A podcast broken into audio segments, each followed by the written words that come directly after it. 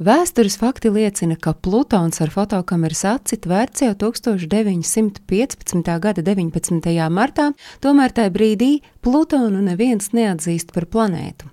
Un patiesībā Plutona atklāšana bijusi sava veida kļūdas rezultāts. Pētot Urāna un Neptūna orbītas, tika novērotas novirzes, kuras skaidroja ar neatklātas, vēl tālāk no Saules esošas planētas gravitācijas ietekmi.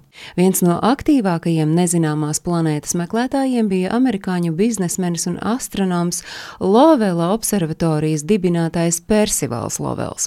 1916. gadā zinātnieks mira tā arī neatklājis jauno planētu. Kā noskaidrojās vēlāk, vairākās fotoplatēs viņam bija to izdevies uzņemt, taču tas tika interpretēts kā fotoplates defekts.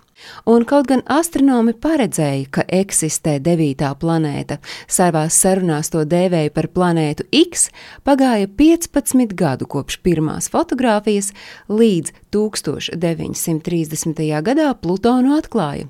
Un šis gods piedāvāts tolaik 22 gadus vecajam Klaidam Tombo no tā paša Lovela observatorijas.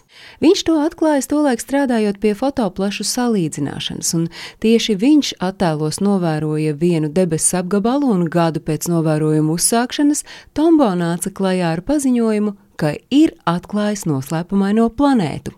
Leģenda vēsta, ka 12-gadīga Oksfordas skolniece bijusi tā, kura ierosinājusi Tombo atklāto planētu nosaukt Romiešu pazemes valstības valdnieka Plutona vārdā. Bet ik viens, kurš no mums skolā gājis un par planētām mācījies līdz 2006. gada 24. augustam, zina deviņas planētas - Merkurs, Venēra, Zeme, Mars, Jupiters, Saturns, Urāns, Neptūns un Plutons. Tomēr 2006. gada Startautiskās astronomijas savienības 26. ģenerālajā asamblējā izmainīja planētas definīciju, un tas nozīmēja, ka Plutons vairs nav planēta.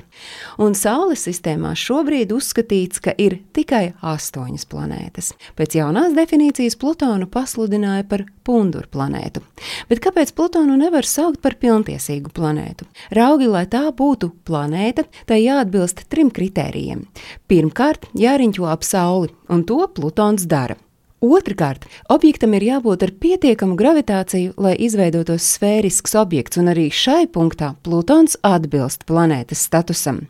Treškārt, orbītas apkārtnē jābūt tīrai no citiem objektiem, un šim kritērijam Plutons neatbilst. Te gan jāpaskaidro, ko tieši nozīmē orbītas apkārtne, un to es atrodu lapā Stārspējas.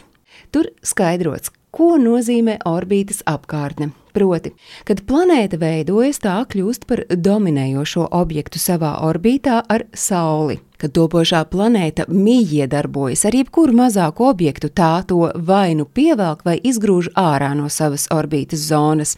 Zeme, piemēram, esot 1,7 miljonus reižu smagāka par jebkuru objektu savā orbītas zonā, kamēr Plutons smagāko pārsniedz tikai 0,07 reizes, un izrādās, ka jebkurš objekts, kurš izkrīt trešajā kritērijā, nevar tapt uzskatīts par planētu tā ir tikai pundura planēta. Kaut Plutons zaudējis planētas statusu, tas nav zaudējis zinātnieku interesi. Un nevelti pēc desmit gadu ilga ceļa Plutonam 2015. gadā bija pietuvojusies ASV Nacionāla aeronautikas un kosmosa administrācijas jeb NASA sūtītā zonde, kas uzņemtajās fotografijās ļāva pārliecināties, ka Plutona virsmu klāja milzīgi kalni. Un tieši tāpat laiku pa laikam uzvirmo diskusijas, ka Plutonu tomēr vajadzētu dēvēt par planētu. Stāstīja Agnese Drunka.